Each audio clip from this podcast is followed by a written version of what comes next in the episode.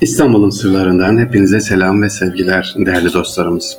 İstanbul'da kullanılan ya da günlük hala kullandığımız kelimelerden e, böyle bazılarını seçtik, ilginç olanlarını sizlerle paylaşmak istiyoruz. Acaba asıl anlamı neymiş onlara bakalım. Mesela naçiz. Naçiz ne demek? Naçizane e, size bir kahve getirdim. Naçizane hediyemizi kabul buyurun gibi. Naçiz Farsçadan çiz şey demek. Naçiz de kıymetsiz, hiç hükmünde, değersiz anlamına geliyor. Aciz Arapçadan güçsüz, gücü yetmeyen. İkisi de tevazu için kullanılıyor. Nacizane tavsiyem şudur ki diyoruz ya kıymetsiz hükmünde, değersiz. Bende mesela, bendeniz, bendeniz Fahri Sarrafoğlu. Ee, burada bazıları yanlış anlıyor. Aa bak kendini öne çıkarıyor. Bendeniz, ben değil, bendeniz. Yani bende Farsça köle, bağlı anlamına geliyor. Bendenizde ben köleniz ya da size bağlı olan, sizi seven manasında kullanılıyor. Bir tevazu sözcüğü bendeniz. Bir de misafir kelimesi var sevgili dinleyiciler. Misafir kelimesinin aslı misafirdir. Evet, misafir. Peki nereden geliyor bu misafir? Müsaferet eden, yani yolculuk yapan, sefir, sefer hatırlayın. Yolculuk yapan demek misafir. Bugün misafir kelimesi ziyaretçi, konuk, mihman anlamıyla yerleşmiş. Misafir kullanım ise daha çok fıkıh kitaplarında kalmış. Yani seferi olan kişiye denir. Eskiler halen kullanıyor misafir diye. Demek ki misafir ya da misafir sefer eden, yolculuk yapan anlamına geliyor.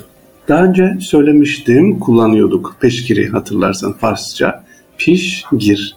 Piş, ön, gir ise tutan manasına geliyor. Eskiler el yüz silmek için havlu anlamında kullanırlardı. Ön, tutan. Yani elinde tutuyorsunuz peşkiri ya da pişkir. Hala kullanılan var. Hamamdaki havluya deniyor vücudu tuttuğundan. Eskiden yemekte kucağa serilen ve el serilen mendilin de ismi sevgili pişkir ya da peşkir.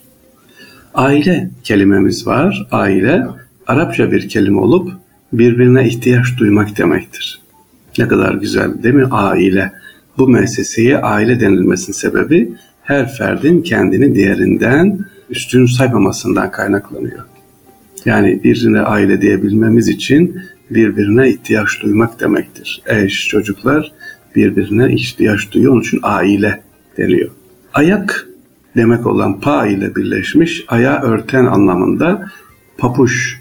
Evet papuş kelimesi bugünkü papuç nereden çıkmış? Ayak demek olan pa aya örten anlamında da puş yani pabuş. Şimdi de papuç diyoruz. Papuç ne demekmiş? Aya örten anlamında kullanıyormuş sevgili dincilerimiz.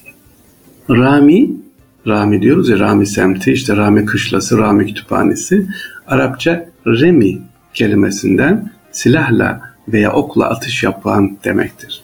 Mermi de aynı kökten olup atılan şey manasına geliyor. Rami, mermi hatırlayın Arapça remi kelimesi silahla veya okla atış yapan demektir. Bugün kışlanın olduğu yer Rami Kışlası İstanbul'da.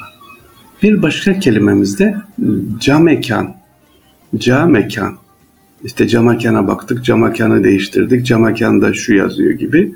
Farsça elbise demek olan came ve kan birleşiminden soyunma kabini demektir. Came, kan. Soyunma kabini. Hamamların soyunma odaları içinde bu ifade kullan ama kelime her nasılsa bugün cam ile özdeşleşmiş ve camla örtülü alan vitrin manası kazanmış. İşin aslı neymiş? Came kan, came kan yani soyunma kabini mekanı demek sevgiliciler. Soyunma mekanı iken şimdi camla örtülü alan anlamını kazanmış.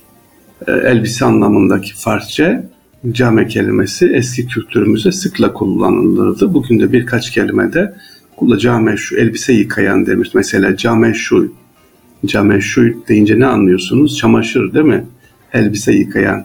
Fakat bizde farklı bir manayla yıkanacak elbise anlamı kazanmış. Bugünkü çamaşır kelimesinin ta kendisi. Came, şu birleşmiş. Bir de dürbün var. Dürbünle bakmak. Dürbün, dürbün. Aslı Farsça. dürbin. Dur, dur üzerinde şapka var oğlunun uzak, bin ise gören demek. Yani uzağa gören, dürbin, uzağa gören, gösteren demek oluyor. Zaman içinde dürbin kelimesi dürbüne dönüşmüş. Demek ki e, Farsça uzağa gören demek. Sevgili dinciler, İstanbul Türkçesinde kullandığımız bazı kelimeleri açıklıyoruz İstanbul'un sırlarında bugün.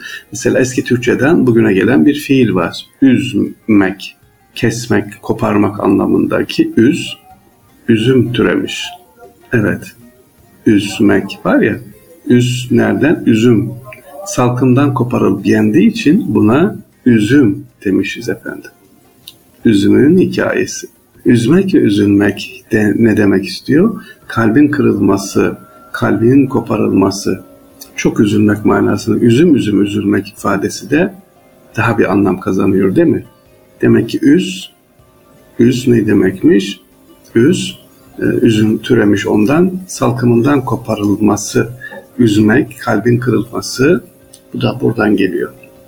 Şimdi gelelim başka bir şeye de semaver. Semaver.